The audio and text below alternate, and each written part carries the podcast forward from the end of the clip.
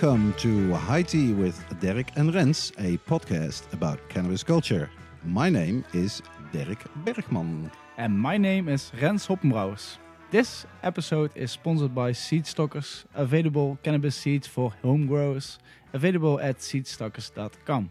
We have a very special guest right here in the High Tea podcast studio in Eindhoven today, all the way from Canada, Mr. Clint Young. Welcome to the show, Clint. Thanks, guys. I appreciate you guys having me. Nice. Yeah, always. You're a trailblazer and pioneer in Canada's cannabis industry as an activist and businessman.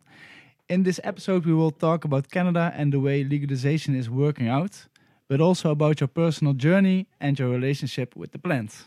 And we will discuss the biggest cannabis news stories of the past two weeks, including the historic vote by Mexico's Supreme Court that decriminalizes ca- cannabis, finally, the banning of American sprinter Sha'Carri Richardson for using cannabis, more delays for the Dutch weed experiments, and a great new book called Weed of Wonder.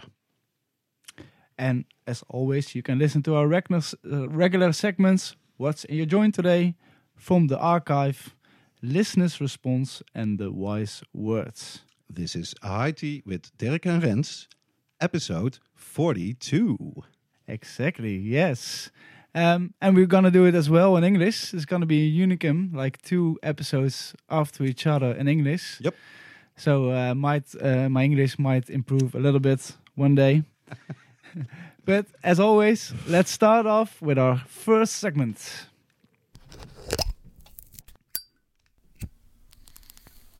Oh, that just went real bad. Sorry, let's do that again. Uh, I'll just hit the thing again.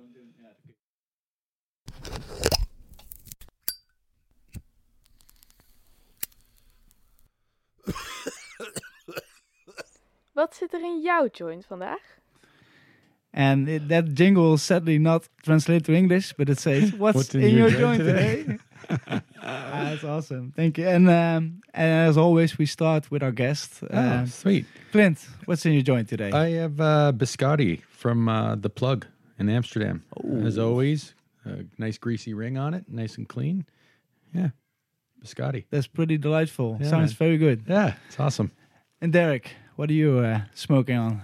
Uh, I actually uh, smoking on some uh, weed I bought in The Hague uh, last Friday. We uh, in the news segment we'll talk about a, a little bit of my adventure I had there for VOC, and this is a strain called Cookie Cream that I knew from the High Life Cup this year that came out in my personal jury thingy quite good. So I thought, well, while I'm in The Hague anyway, I'll drop by Greenhouse Secret Greenhouse Farmers and also Dizzy Duck. I also went there because they also have some really really nice strains. And this one, yeah, cookie cream. I'm not really sure uh, what kind of percentages and what kind of uh, hybrid it is. Maybe you can fill me in on it. You remember? Uh, you smoked it too. I, I know, I know who growed it, but I don't know exactly what the genetics are at, at right now. It, it's some cookie and cream, Yeah. some leche, uh, some cookies in it it. has like the cookie uh, terps. Uh, But but my main question is, does it is is it the same quality as the batch in the cup? Because that's the reason you went to the shop to buy it. Yeah, I still want to check a bit on them. Not that they have only the best batch for the for the jury Yeah, okay. and uh, for the regular customers, uh, some other batch, but it holds up. I think it, I don't know if it's exactly the same batch that we smoked, but uh, it's just real good weed, like It like we like we nice. expect from uh, both Greenhouse Secret Farmers and Dizzy Duck. Really Yeah. consistent uh, quality. The place to go, super busy when I was there. Both were uh, like huge lines, and uh, the Greenhouse Secret Farmers, I think they had four or five cash registers going at the same time. So yeah, They're doing good. th- there are more people out there that know that they sell the good weed. Yeah. So how about you, Rens? I'm gonna. What's in your joint I'm today? Gonna, I'm gonna light up um, the number E16 from the cup. Still smoking those old Still- cup samples. Exactly. Yeah. It's. Uh, it's But are you still smoking pure? Yes, Wow. yes, yes. Oh, uh, it's now six weeks, and uh, I, I'm not go- ever gonna change back. It's, Ooh, think- now it's on tape, dude. yeah, for sure. But it's it's I will be holding you accountable to that. no, but I, I think it's one of the best decisions I made this year. Uh, I really feel difference. Uh, like my whole rhythm is starting to feel different. Uh, instead of like when I wake up and I, I, I, I wanted to smoke directly, I just go first. I take breakfast, and like at, at, at two, three o'clock in the day, I started to smoke my first joint. Oh well. Even today, I think with, with him, with Clint, with him. So that sounds very. Uh, but with Clint, we smoked our first uh, joint. So um, and normally I would get Bit crazy. earlier.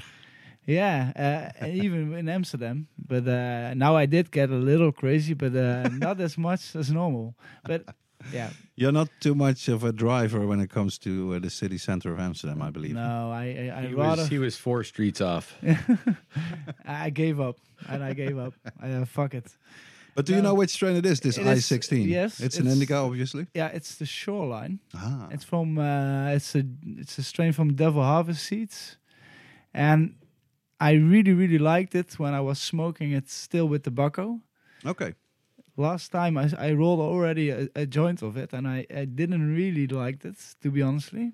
And I'm gonna give it a retry, and uh, see if it's getting getting better. But yeah, it's it's funny that like. Um, like a lot of strains I, I really liked when I was smoking still with tobacco, hmm are not the same flavor or not the way I was expecting it to smoke pure. It's really interesting? Yeah. how some strains really hold up when you smoke them pure, and other ones have like a, it seems a very different taste compared to when you smoke them with tobacco. With Yeah. tobacco. And we smoked uh, while drive. Oh, I can't say that, but uh, Oh, on, the, it. tr- on the train? No, no, yeah, no, on no, a, we smoked on the train. Before we got on the train? Yeah, we smoked. Uh, we smoked uh, the the the Trichem from the Fino Uh-huh. Lab, and uh, yeah, that, that that that taste is amazingly. You know, I I st- wish I still had that, but uh, that's kind of like that's kind of strains you really want to smoke if you're going to, for the pure. Mhm. Uh, and yeah, maybe um, I always had like a idea. It's, maybe I'm gonna keep that idea for myself, and but there's something with the pure. I, I'm gonna keep it for Especially myself. when you're driving on the train. Yeah, exactly. Let's let's move on to the news before I say too much. Uh,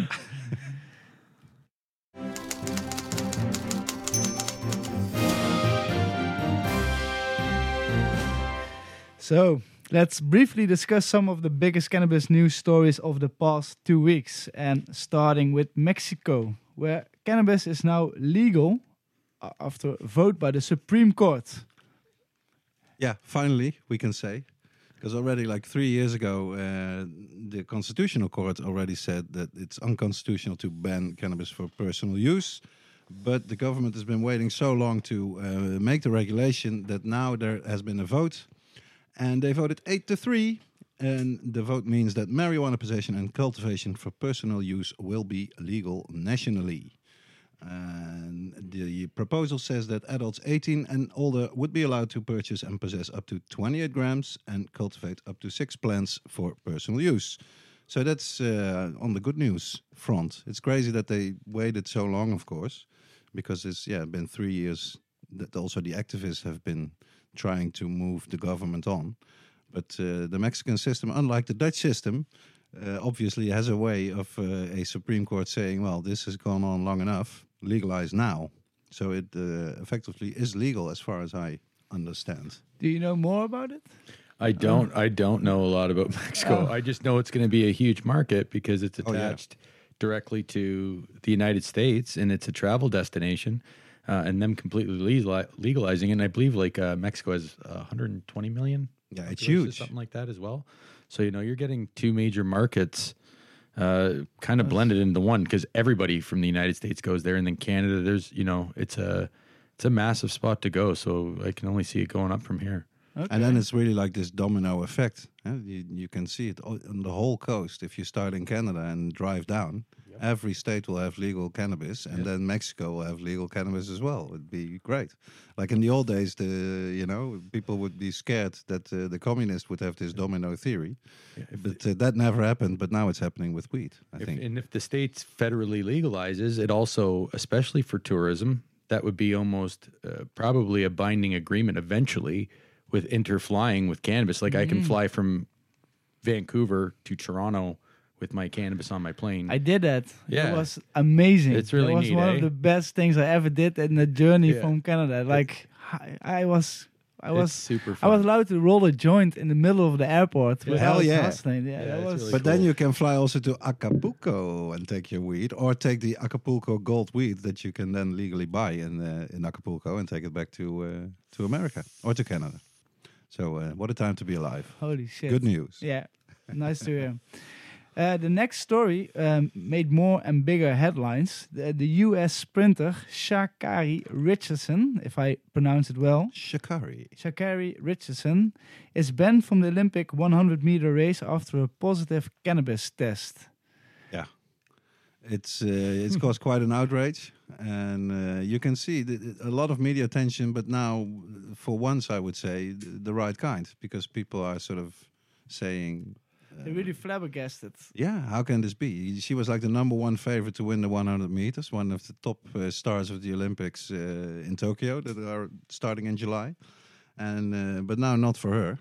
And I think even President Biden commented on it when he was asked about it, and he said, as any president would, that uh, of course everybody has to stick to the rules, but maybe that the rules have to be changed Yeah. for this kind of thing.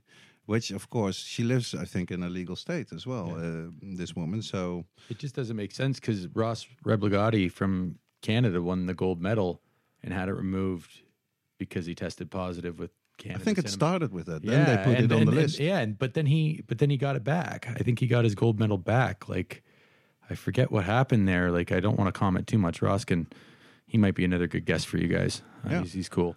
Um, And he, he started also in the weed industry. yeah, well, he is now. Yeah, he's Yeah, got yeah. Ross Gold, and I think he, that might have like gone on to something else now. Right? Again, that's his business. I'll let him speak about it. But yeah, he's definitely in the the cannabis space now, and uh, yeah, he's a great advocate, uh, especially from that point of view of the Olympics, because uh, you know. There is enhancement and it is deemed a medicine on certain level and they say in certain studies it could have a good bronchial effects on you in the breathing but that's i don't think it's an enhancement i don't think she's going to rip a joint and start No. start cheetah pasting everybody like you would if you were smoking Light crystal up- meth or speed yeah, or light, up right before the start. Yeah, the, like you know, if anything, like yeah, it might. Okay, great. Even if it does help your breathing, it also can make you your brain like slow down a little bit, like chill out. So Uh, yeah, what great. what she said better. herself in, a, in an interview on the Today Show uh, is that her action came while she was dealing with the news of the death of her uh, natural mother. So yeah. there you have your answer. It's just to relax and, and get your mind uh, a bit off your off your worries, so that you can be an excellent uh, sporting woman.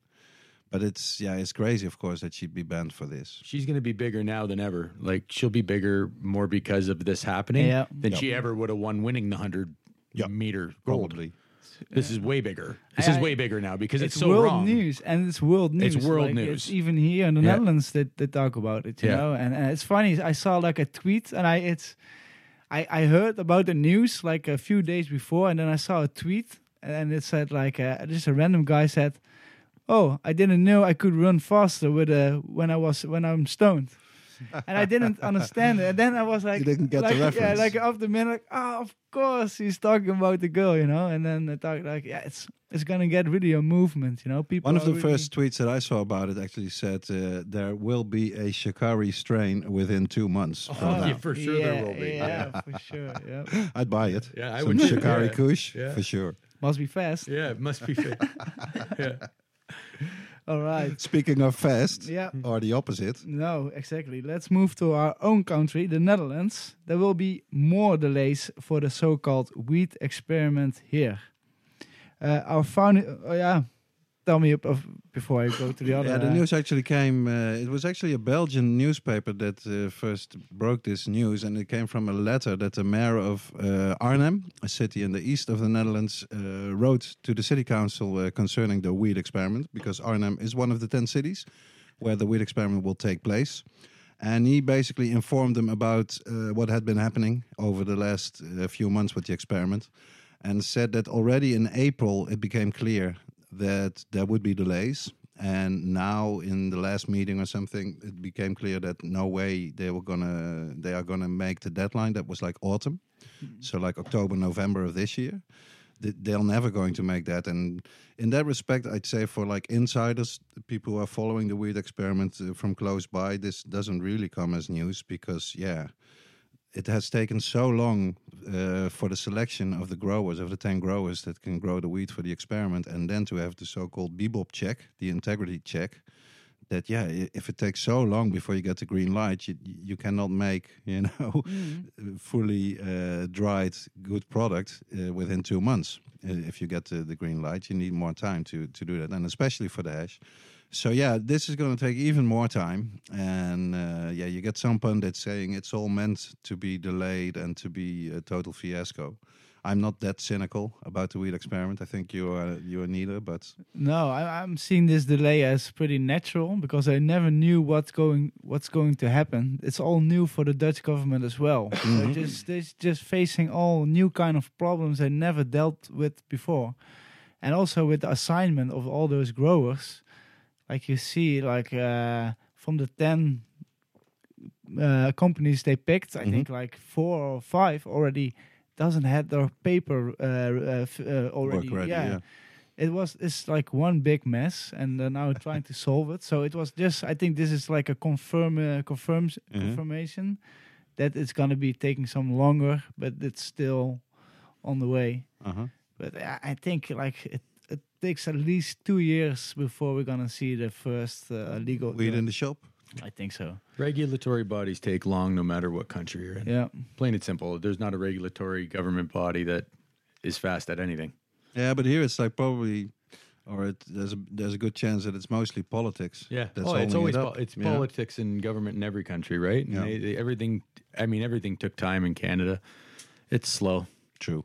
It's we just have to be patient for it. That's and, it. Uh, and keep growing our own weed. Was it also uh, in, in in Canada that you were like thinking like, ah, next month it's going to be legalized, or is it going to start with it, and then it still took for It- years? It to, took well, like eh, like you know, I entered into the dispensary world in Vancouver in like 2011.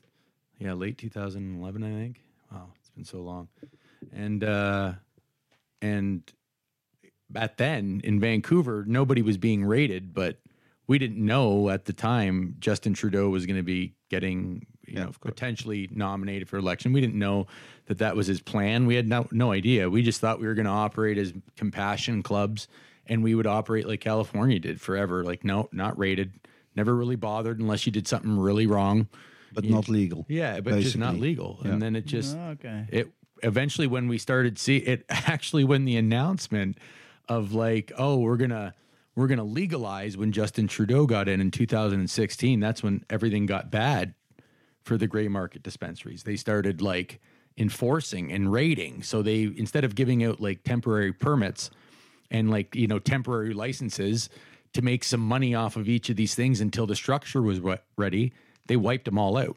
And they spent millions upon millions of dollars. There was 73 raids in one day Wow. in toronto Yeah. yeah i think it was called like project gator or something like that and And I remember this photo of one of these project these, claudia these Yeah, Project dispensaries Gator was- blocked by by like huge blocks of concrete that Oh, they yeah, put in front of it. cafe yeah Oh man. and, and they had so much more money than the city that they they removed they put the blocks in at like one in the morning and at three in the morning they hired their own forklift driver to lift up the blocks and remove them and now if you go into certain stores so i've been told i don't know if this is true but those cement blocks are like used as like displays in the legal stores now but like art like art done on them and Wow. stuff. Yeah, yeah. so it's kind of like a remembering of the past That's great. It's like they neat. use pieces of the Berlin Wall uh, back yeah, in Berlin. Yeah, that's you know what I mean. fantastic. Yeah, it's really unique. So I don't know, you know, how much of all, all the stories are true, but like I I, I heard I've heard that from multiple It's- people. It's, it's a good story. Yeah, it's, it's a cool, good story man. anyway. Yeah. So uh, Yeah, we'll get back, of course, to, to Canada and the way that uh, the legalization Yeah. process went and the, Uh, the pros and cons. And yeah. we'll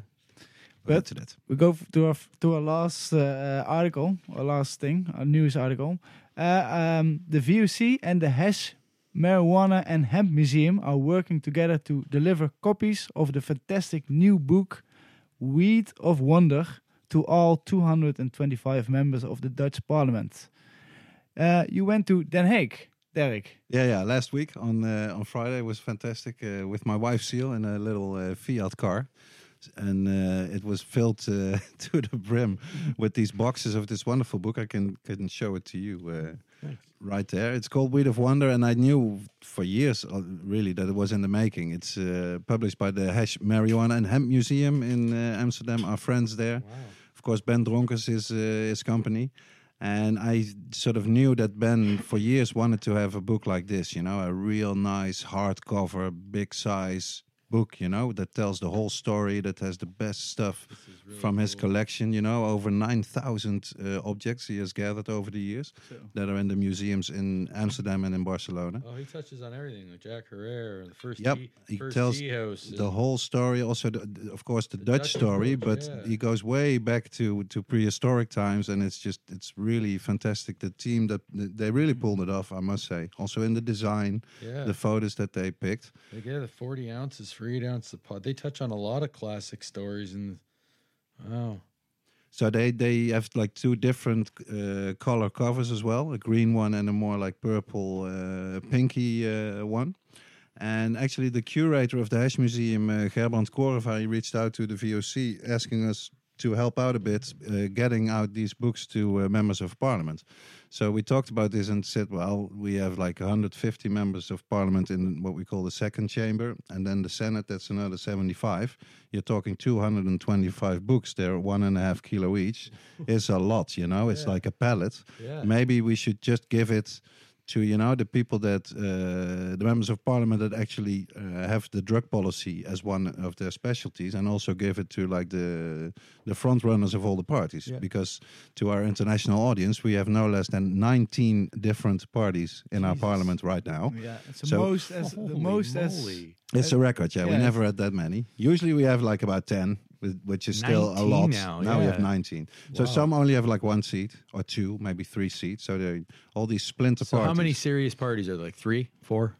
Yeah, I'd say three. Three are the top contenders. Yeah. Yeah, so uh, let's not get into the Yeah, Dutch yeah. politics too too deep because Yeah, no, I don't even want to go. I was just curious if it's like Canada. Canada is like the big three, like liberal, con- conservative, and NDP. I There's- think it's sort nobody of- else really stands a chance. We have like the Green Party, and we got like one vote last year, and we're like, yay.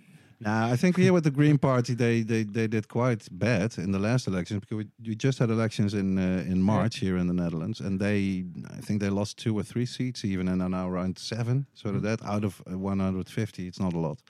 So uh, first we uh, I, I made this deal with Gerbrand. Okay, we, we we will just do these people, not give them to every single member of parliament. They, they can pass it around, and uh, so we did the first 49 ones, and it, was a great success. And the the people that work actually in in the houses of parliament in the Hague, they are really friendly. You know, if you approach them normally and explain what you're doing, says you want to have this package for every, you know, in their post uh, thingy that they that they can pick it up, they they will work with you. It was just uh, yeah, it was a really good experience.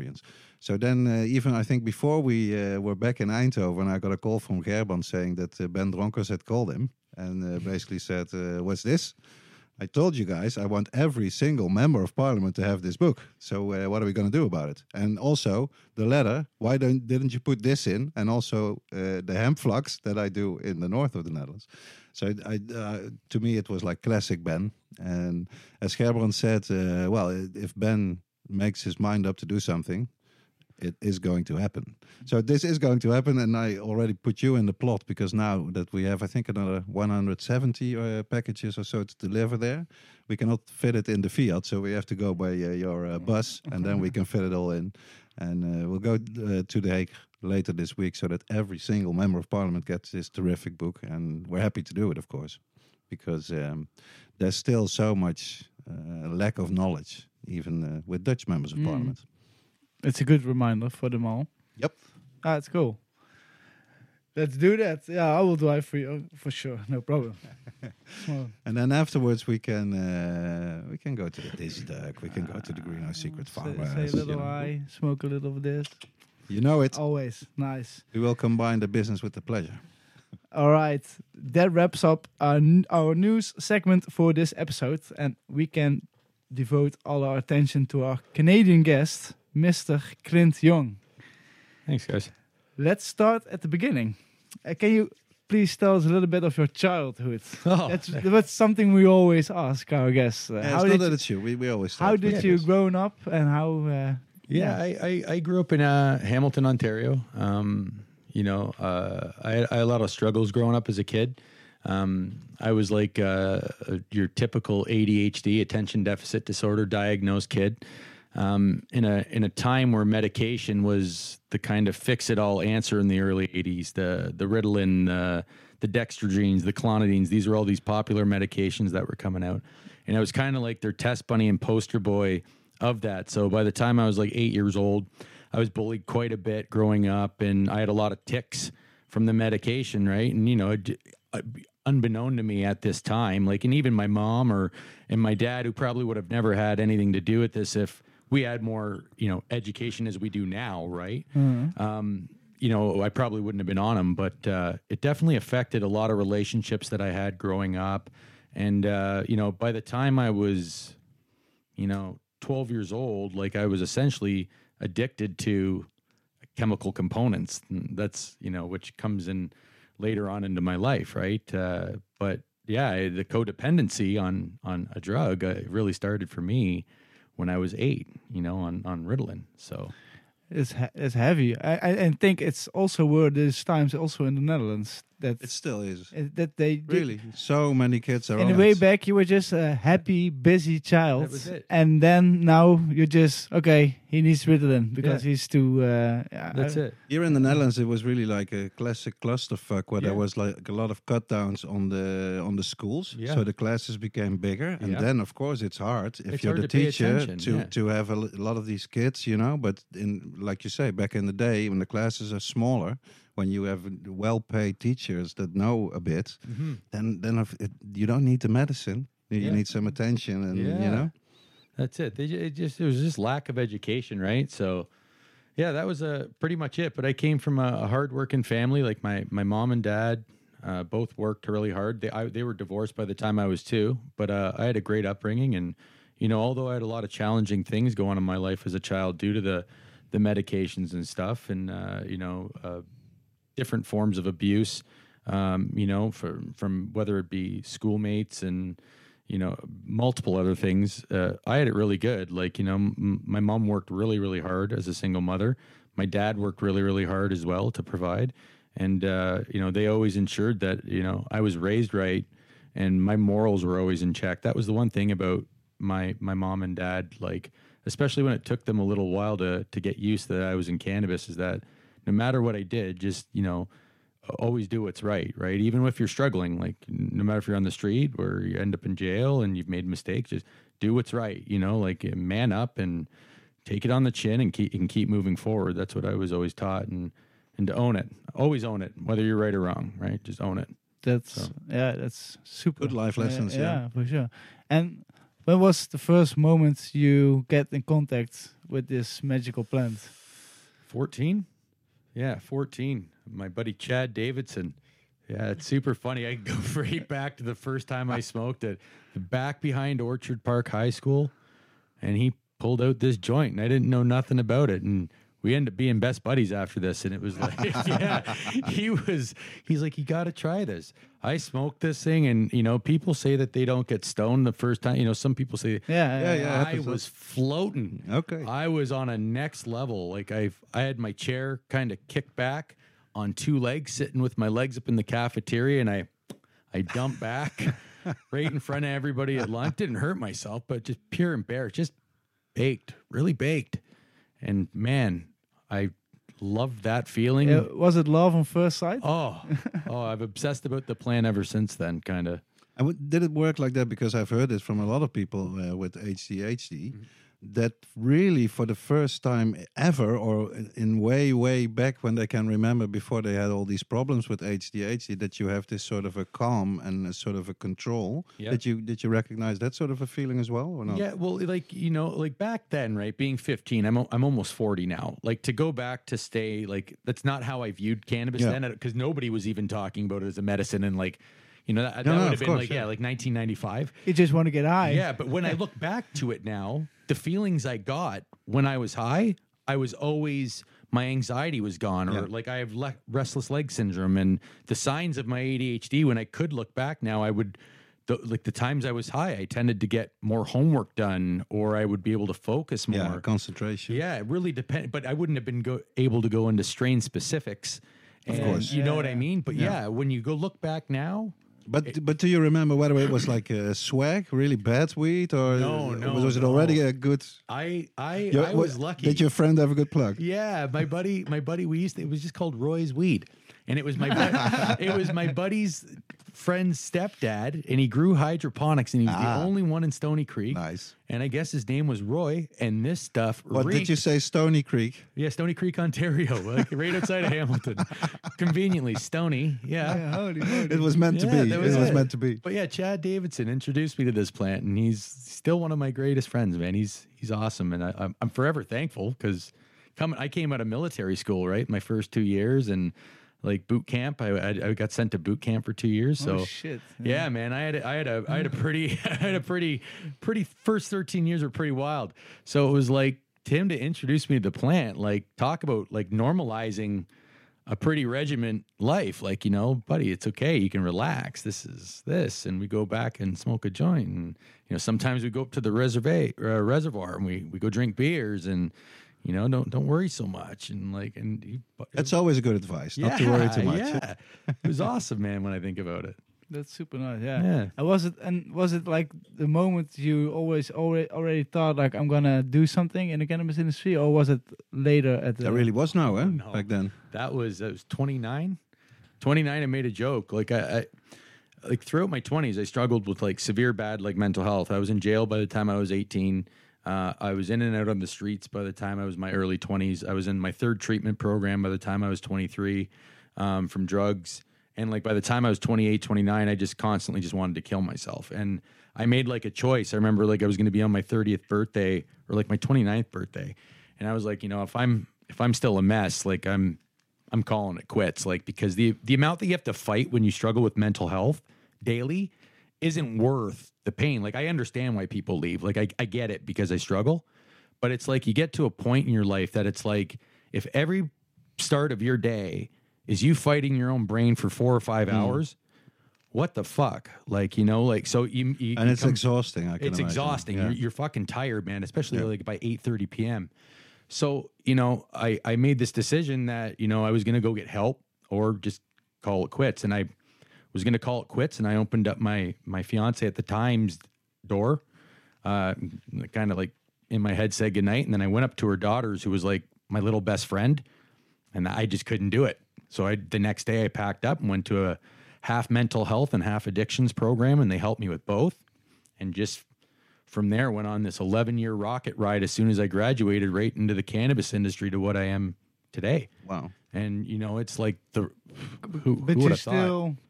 Like if if I hear this, you could also like uh, hate every kind of substance. Yeah. And Yeah. like uh, like be a straight edge till the end of the. You know, Yeah. what made you still like the cannabis? I, I, you know what? It, it was never an issue in my life. That was, that's not what made me, you know, uh, the broken man that I was. The plant never affected me the way crystal meth did or cocaine did or crack cocaine. And, you know, and then after that, because I already had mental health issues from my childhood, right? From the amount of medication I was on as a kid, just the damage from the drugs that I did. Like I stopped doing drugs around like 25 and it was just now I was like a walking time bomb of mental health issues. I wasn't really using anything much anymore but cannabis after 25. Uh, but my mental health had deteriorated so bad that it was, you know, I was really in a bad way. Like, you know, a lot of my friends didn't expect me to make it to I mean, e- just much even past that. So, um, you know, uh, the plant always to me was, like I said the first time to Derek, like uh, if I had to look back, every time I smoked or anything, I kind of got a little bit more focused. I got a, you know, I, I, the anxiety kind of left my chest that I constantly feel even 24 hours a day still now. When I smoke, it's from a nine out of 10 to a, a one out of 10. It's my personality is just night and day. It's, it really is a medicine for me, right? So, yeah. Yeah. yeah, it was, uh, that's how it kind of went down, man. incredible. Yeah. Like, uh, but there was some point in your life you thought like, okay, I'm gonna this. Oh, this what I was what, what I was uh, curious about is like you you, you are both like an activist and also an entrepreneur. Yeah, But- yeah. But, so what came first? Oh, the activism for sure, right? The activism started like in 2007 or something like that for me. You just go down to the marches and there was places that were running already and and successful that I used to go and hang out at, like Kindred Cafe and there was Vapor Central uh, in Toronto that you could go and hang out and there were lounges and these guys were kind of like you know the first and far between and the the Toronto Compassion Club was around and Calm which was a, one of the original dispensaries that was on the east coast in in like Toronto area so I started like kind of there, hanging around there, and like I, I never worked in those dispensaries, but I, I always hung out at these lounges, and it was always a movement then. And then in 2011, I moved out to uh, Canada, like right, or pardon me, West Coast, Vancouver, uh, about five months after I left the treatment program, and there we go. And I just I don't know what happened. I left the treatment program, and I was such in a good mental spot. I was like, well, I need to do something with my life. If if you look back on that on that time eh, that you was in you were in this treatment, Yeah, eight months. w- was there like some kind of a thing that that sort of was a turnkey moment for you to understand something about yourself or where you were going or Yeah, yeah, it's super cool. It's funny. It it, it was learning about my ADHD because ADHD, attention deficit disorder, is one hundred percent a real thing.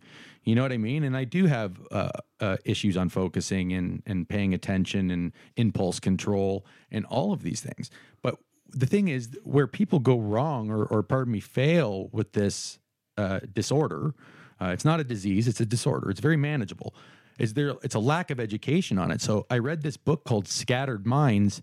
Like the third week, I was sitting in the treatment program, and it was by a doctor named Gabor Mate, and it was about the life and the mind of somebody who suffers from addiction and ADHD.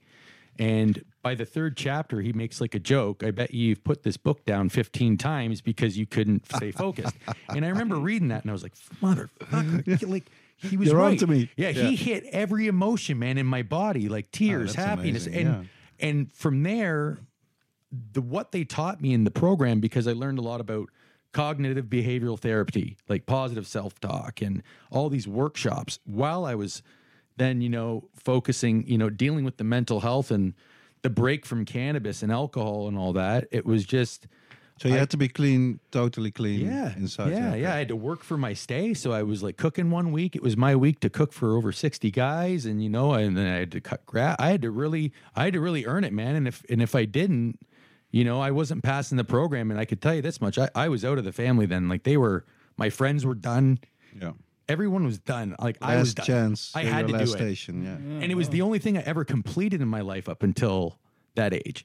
And then after I completed that, I haven't done something and then and failed, literally, because everything's easy compared to that. Ah, yeah. That was the worst eight months of my life, trying to rip yourself apart and like rebuild yourself and not quit and just say fuck it and go to you know back to your old ways.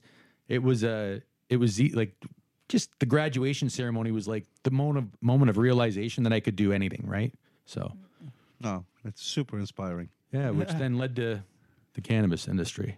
Yeah.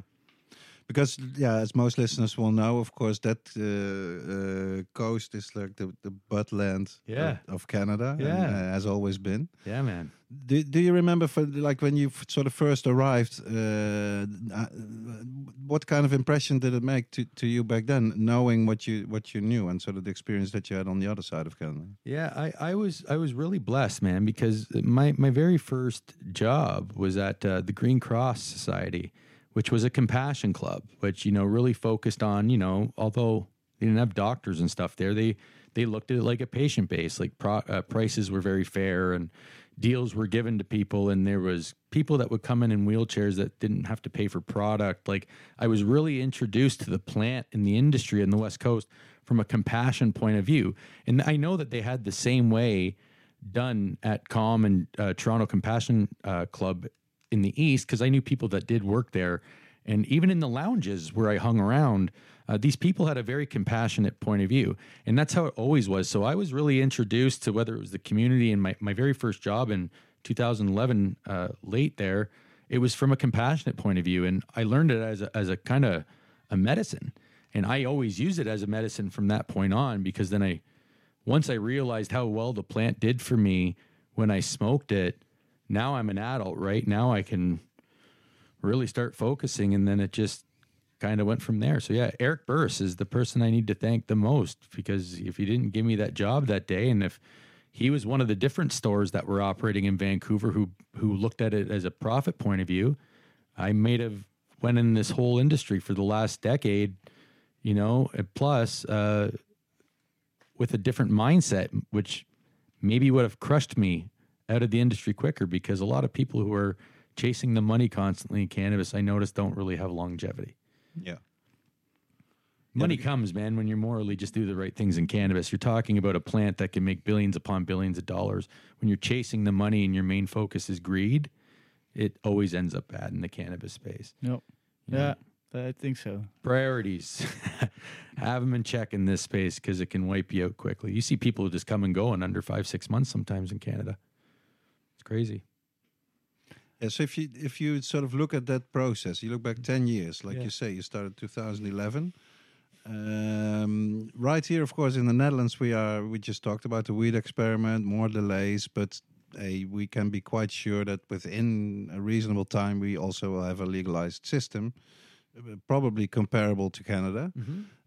With all your experience and, and being Canadian and your love for the plants, what are your main takeaways for what they've done wrong legalizing and and what they do done right maybe and also the advice and the things that we can learn here Yeah. What I what I hope I don't see uh, the Netherlands do um, is that if they do put a program in for legalization, uh, is that they don't attack the cannabis dispensaries. Although they appear recreational, people that use cannabis use it for a wellness product constantly.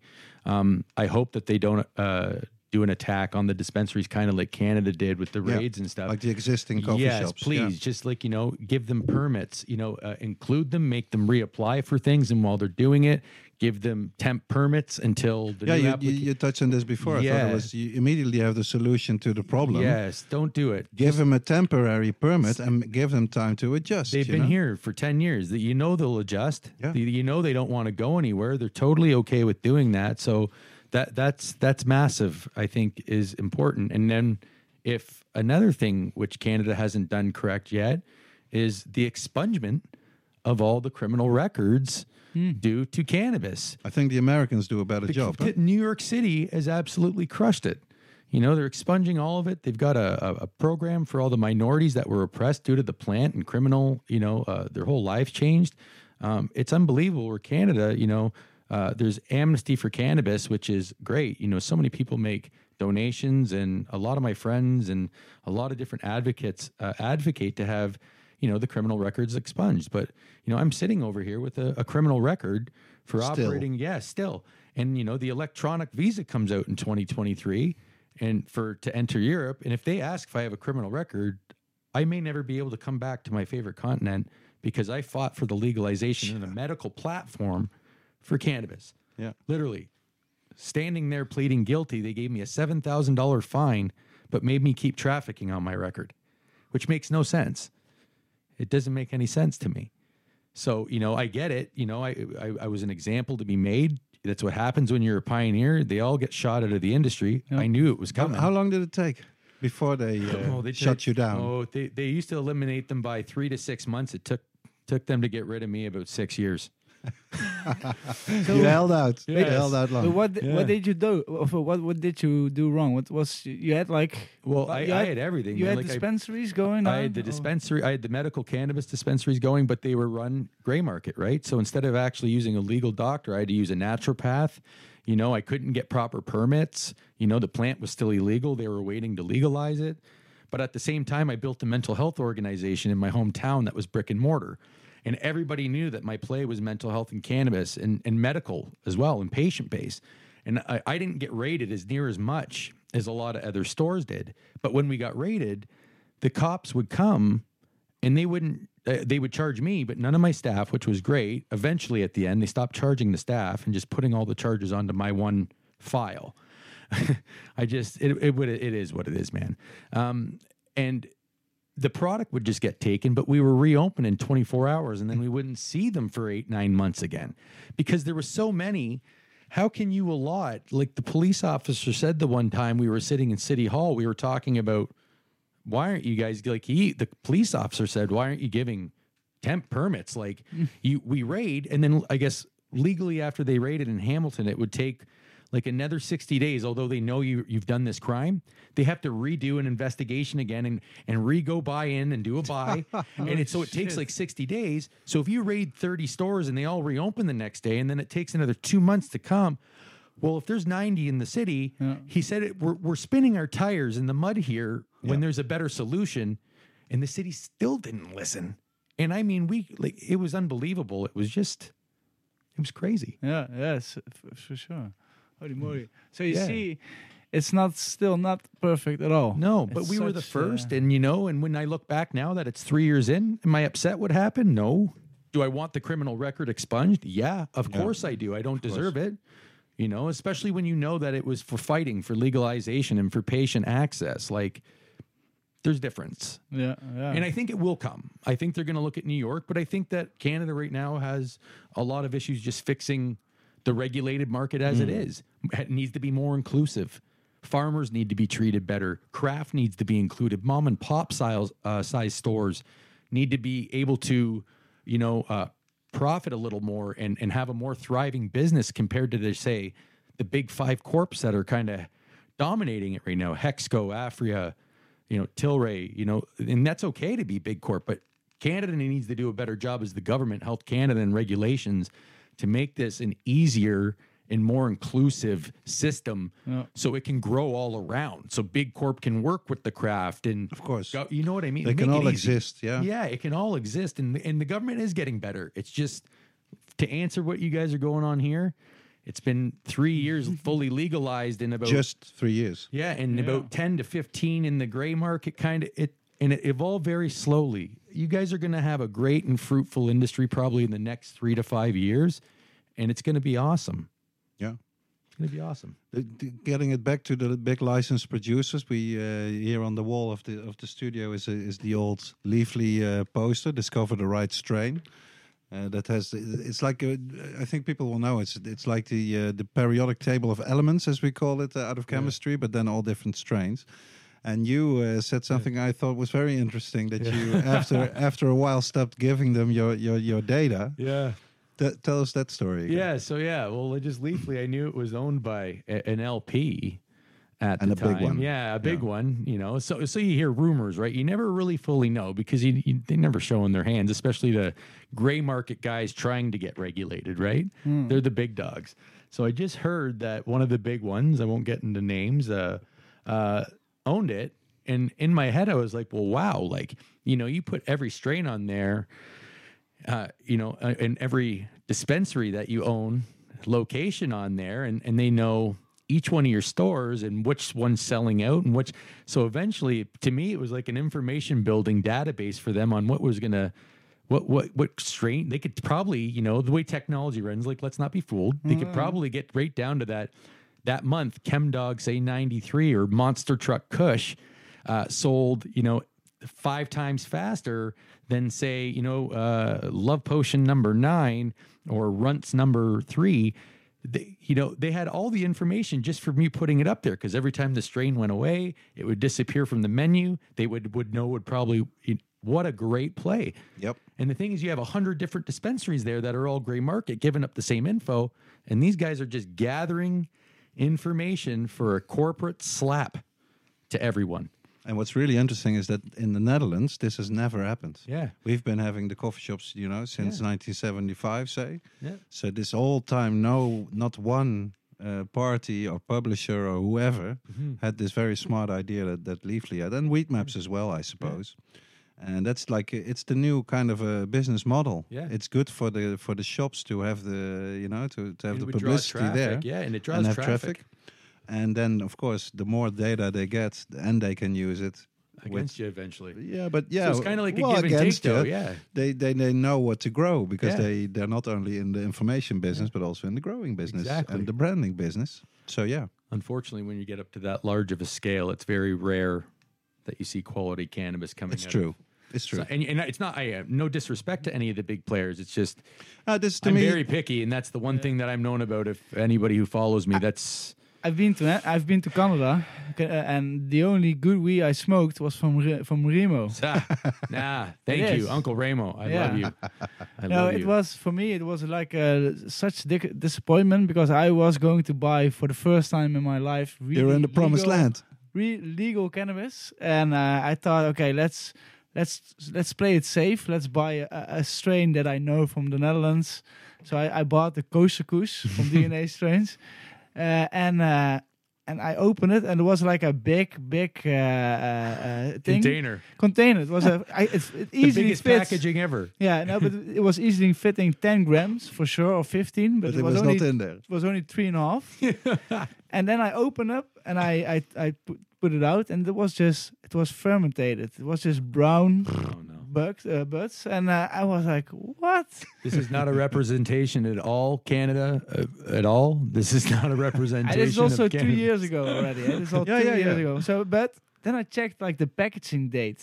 It's like four or five months old. four, it was eight Eight months. ago. Oh, yummy. Eight months ago, because Nice and crispy. because it was tested uh, to send it to the test center very quickly, like uh, two Yeah. weeks Yeah, after yeah. after the harvest and Yeah. package, and then like the date before they the, the testing they took like eight months Oh or seven God. months. There go your percentages. So I really There goes all your terpenes out of your yeah, cannabis. but also like also as company, you, you're doing that kind of a job, and you just you're, you're just you're handed over by the government system, and uh, you're not having anything to say how it's going to end on the shelf in the stores uh, as end Well, product. my Canadian story is a bit different because I also went there, but but I went there six months before legalization Okay. in March of 2018, Yeah. and we visited like three big, big uh, growing facilities, which Yeah. was fantastic. You know, to me, Yeah, they're Just- beautiful looking. Oh man, it Oh, was yeah. just uh, it was just incredible. Are But- you allowed to say which ones you, you went to? Uh, yeah, if I can remember. I went to the Tweed one, obviously, the big Sweet one in Smith in, Falls. Uh, Smith Falls. Yeah, I went there too. It's beautiful. Yep. And then one more like a, a medical grower that, that that didn't have that many plants, but a lot of lab uh, facilities, I think, in Toronto. And then a big one near Niagara Falls, which Okay. was maybe mm, was Terracent or it was a big one. Okay.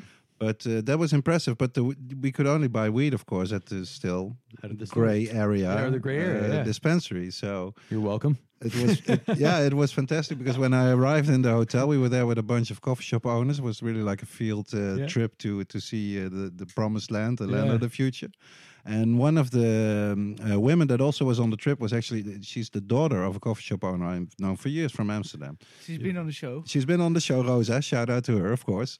Uh, she'd already she was already in uh, in Toronto for two or three days, and I checked out the scene, and I could immediately go to her and say, "Where do I get the good weed?" Nice. And we went over there, and I had I think it was blue cheese that we uh, had the strain there. She bought a full ounce because she could, Yeah. you Yeah. know.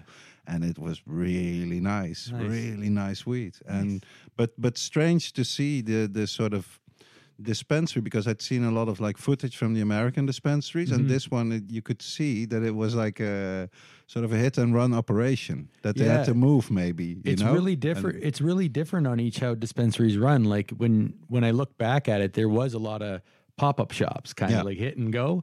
Uh, I think this was one like that. Yeah, and that's totally okay. MMJs though, they stayed solid. Like I had custom designs in every store. I based a lot of stuff that I had toured through Colorado and, and uh, California. Mm-hmm. So, but you know, you're right. There was a lot of different models uh, of, Yeah. of dispensaries. Some of them were pop up shops. Some of them were more there to stay. Some of them were more medical. It was a really unique time in Canada. There was a, a big blend. Yeah. And w- would you say out of these dispensaries that were there, you know, before legalization, how many of them uh, really had, went out of business, and how many are still there, sort of evolved? Well, all of them went out of business, and then they re re evolved as new brands. Okay. Yeah, so a lot of them had chance to go reapply and stuff, but I would say out of the 375 gray market dispensaries across Canada, they were all wiped out at one point. Whoa. Uh, yeah, they all had to go down. He stopped operating, and then you had to reapply as a new one. Like so, MMJ Canada, mine, which was which was a, a very big chain. Um, they're now called Arc Arc Cannabis. So they reapplied as a licensed in Vancouver, and they got four stores now. So Yeah. it's not like what it was for them, but they're on the pace now to kind of get up to these these storefronts. So it's really unique. Yeah.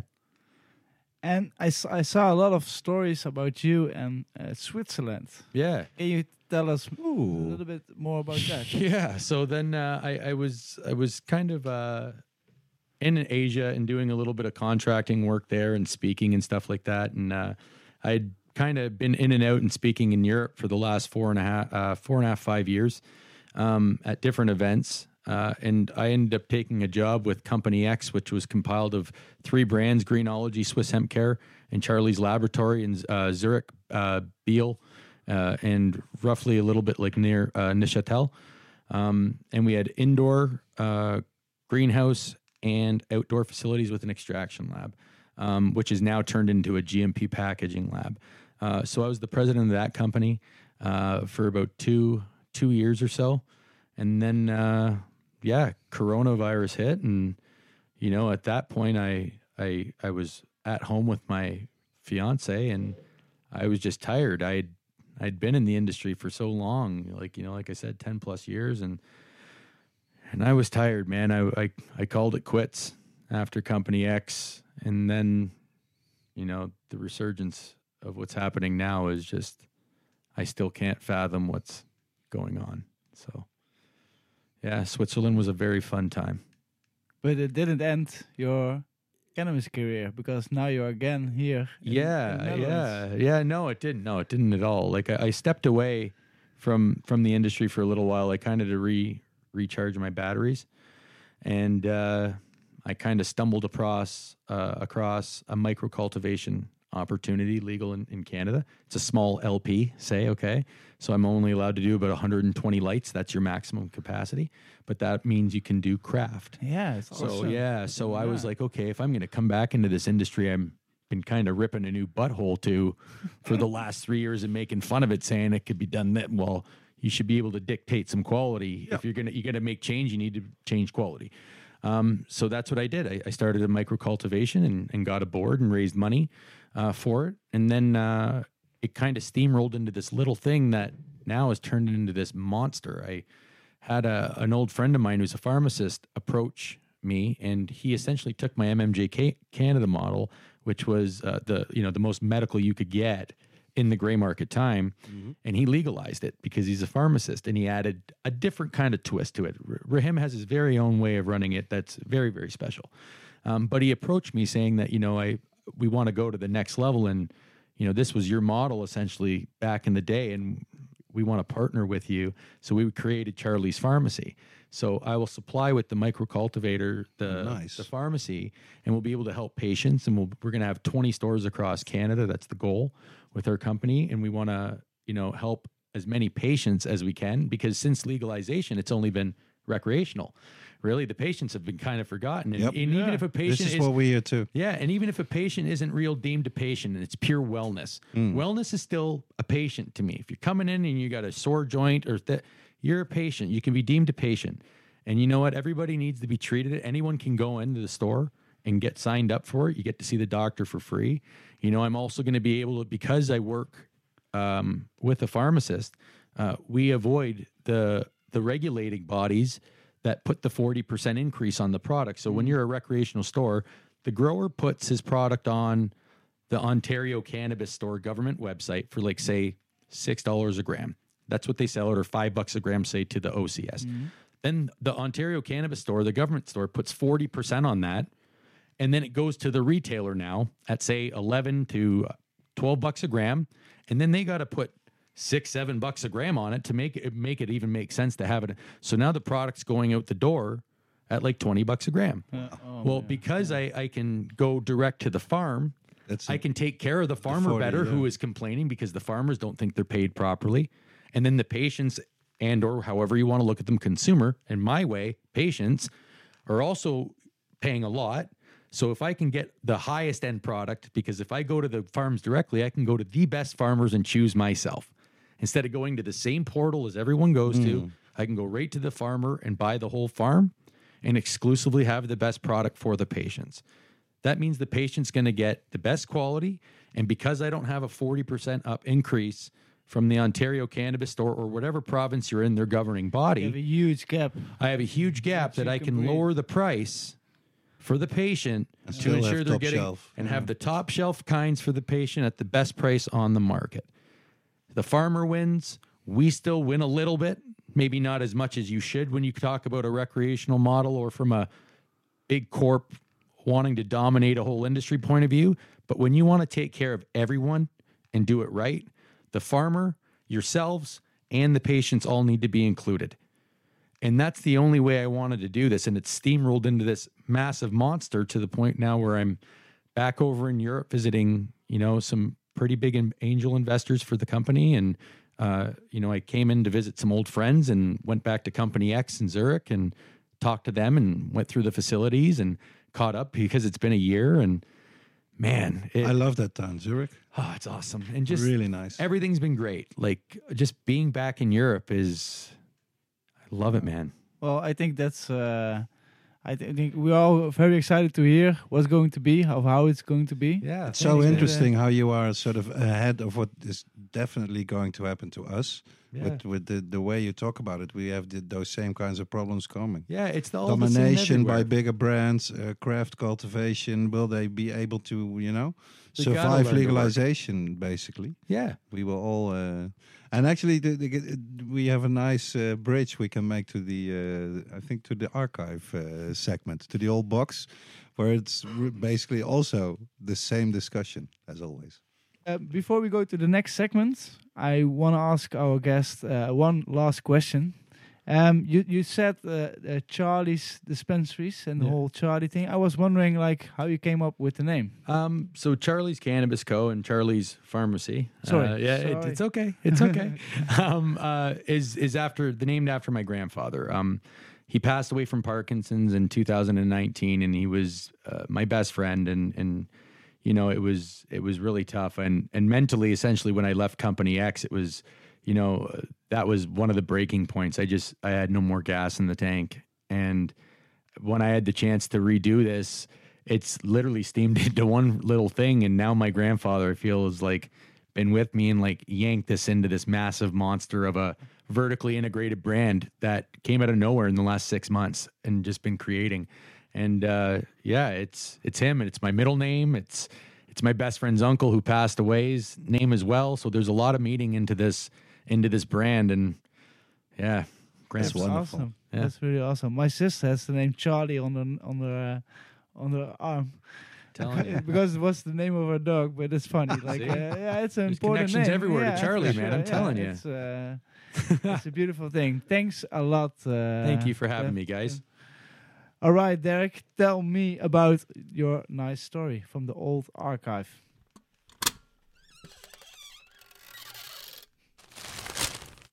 For this episode, I got uh, my oldest issue of uh, High Times magazine out. It's actually uh, the like the first anniversary issue. Uh, I have it here right in front of me. Uh, number five from uh, se- 1975, August September 1975, and I was browsing uh, through it. Yeah, you can have a Yeah, holy shit, that's And also. Uh, What really caught my eye was this this article that had the headline: "After legalization, what happens to dealers?" hmm, So hmm, interesting. I won't read out the whole bit, but uh, what it's really fascinating. Uh, also, with the discussion we we just been having about legalization, about what happens to craft industry, etc. So here we go. And remember, this is written uh, 41, uh, like 46 years ago. Already, the plans for mass marketing of marijuana are underway, but they fail to take into account the pre-established trade customs and consumption patterns.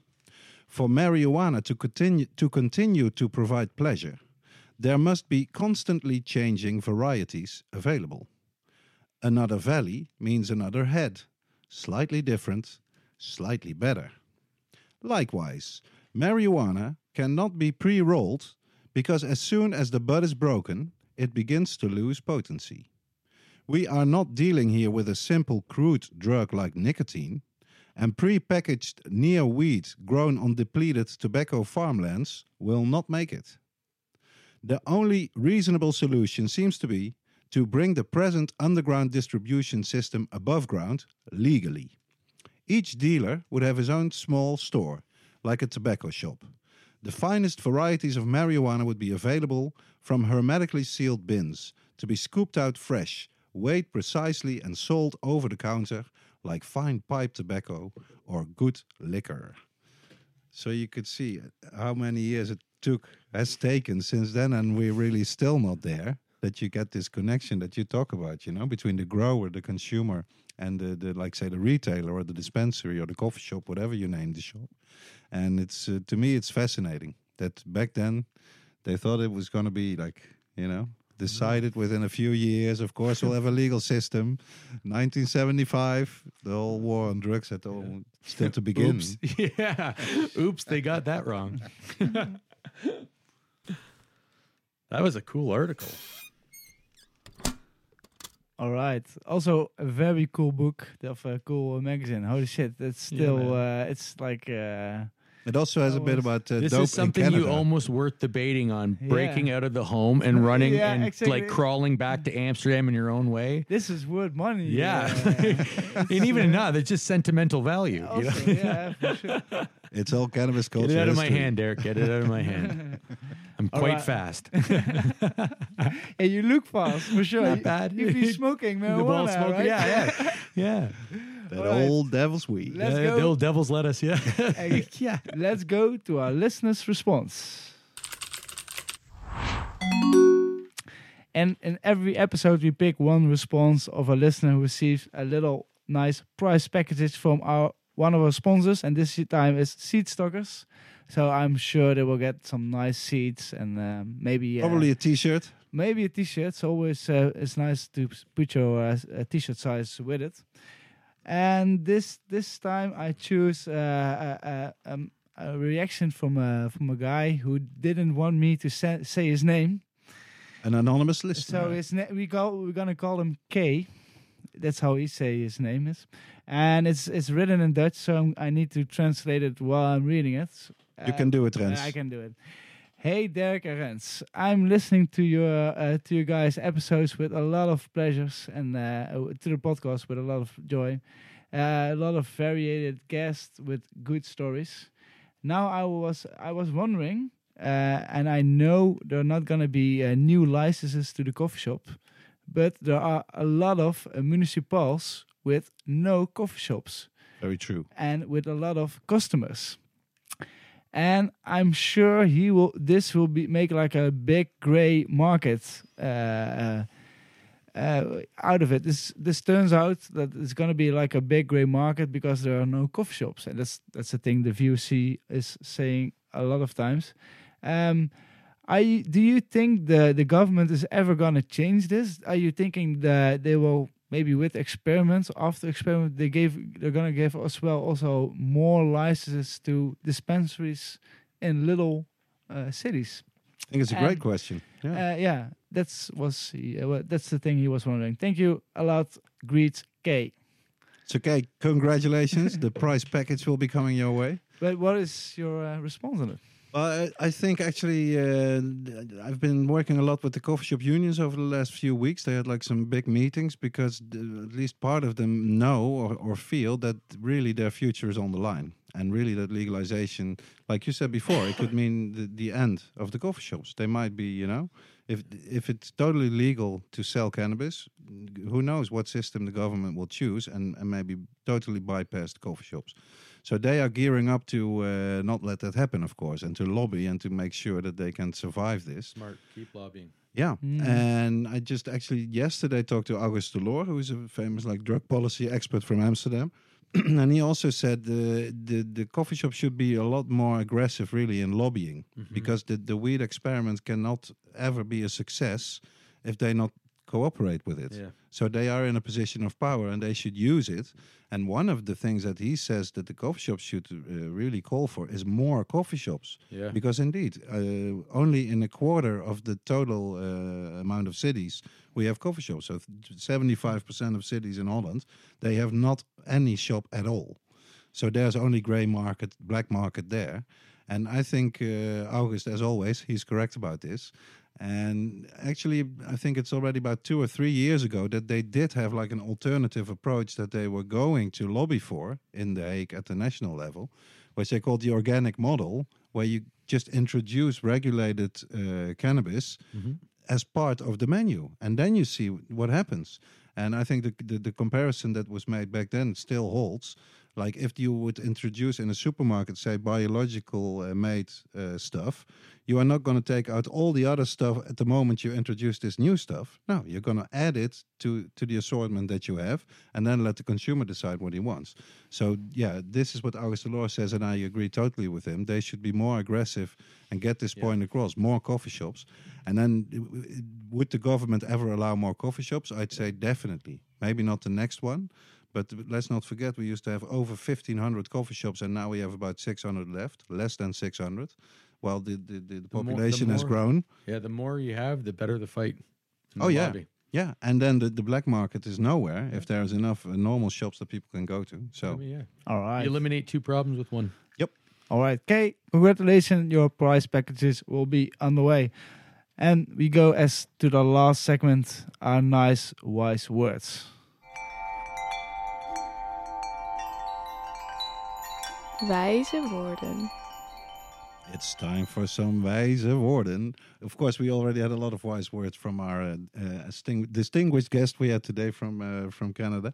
But uh, I picked some extra wise words, very old ones, from uh, actually from Socrates, the uh, one of the founders of Western philosophy, who lived from 470 before Christ to 399 before Christ.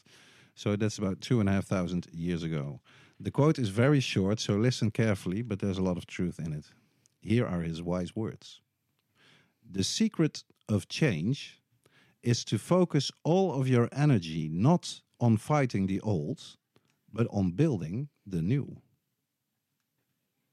Wise words indeed, Derek. Nice. That brings us to the end of episode 42 of the High Tea podcast. I want to thank our guest Clint for uh, I think uh, I want to thank uh, Clint for uh, coming all the way to Eindhoven to be on the show and share his stories and wisdom with us. Thank you very much, Clint. Thank you for having me, guys. I appreciate it. And of course, we thank our technician Simon and the sponsor of this episode, Seed Stockers, affordable cannabis seeds for home growers, available at seedstockers.com. Yes, thank you for listening to the High Tea Podcast. Don't forget to email us, highteapodcast at gmail.com and a podcast spelled with a T. Or leave a comment in any section you like at Instagram, YouTube, SoundCloud, wherever. And you might be the next lucky winner. Thanks, everybody. All right. Houdoe. See you next time. Bye bye.